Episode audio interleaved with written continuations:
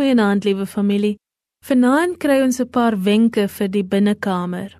As jy in jou binnekamer gaan, laat jou eerste handeling wees om God te dank vir die onuitspreeklike liefde wat jou uitnooi om na Hom toe te kom en vrymoedig met Hom gemeenskap te hou.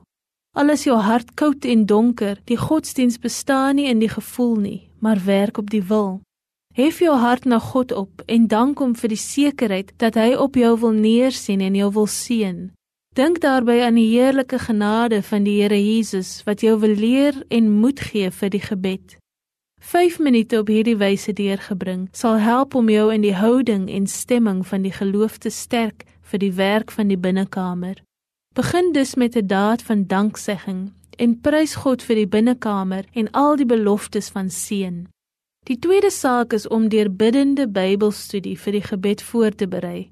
Die groot rede waarom die binnekamer nie gewild is nie, is omdat 'n mens nie weet wat om te bid nie. Lees 'n paar verse van die Bybel, neem wat jy verstaan, pas dit toe op jouself en vra die Vader om sy woord in jou hart tot lig en krag te maak. Die biddende Bybelstudie is waar jy en God met mekaar gesprek voer en is onmisbaar vir kragtige gebed.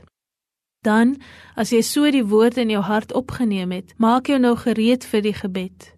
Moenie haastig wees nie.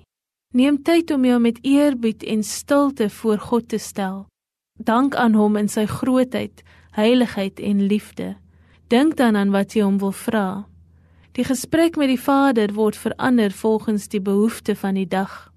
Wat in gebed gesê is, het betrekking op jou eie behoeftes. Maar jy weet dat die gebed aan ons gegee is om ook in die behoeftes van ander te help.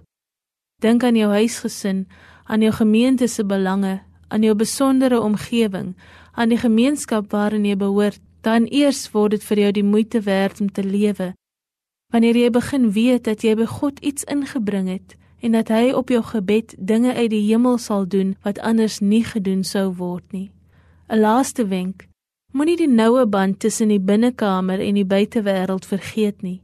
Die gesindheid van die binnekamer moet die hele dag by ons bly. Die doel van die binnekamer is om ons so aan God te verbind dat ons hom het om altyd by ons te bly.